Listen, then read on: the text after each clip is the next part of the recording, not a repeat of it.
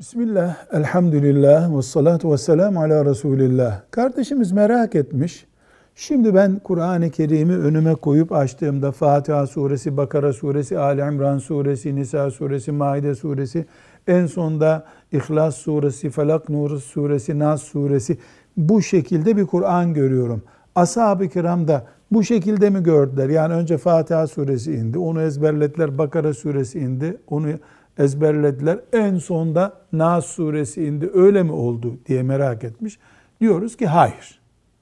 Bu gördüğümüz şekliyle inmedi Kur'an-ı Kerim.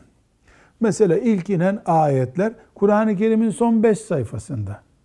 Alak suresinin ayetleri. İkra bismi rabbikellezi halak.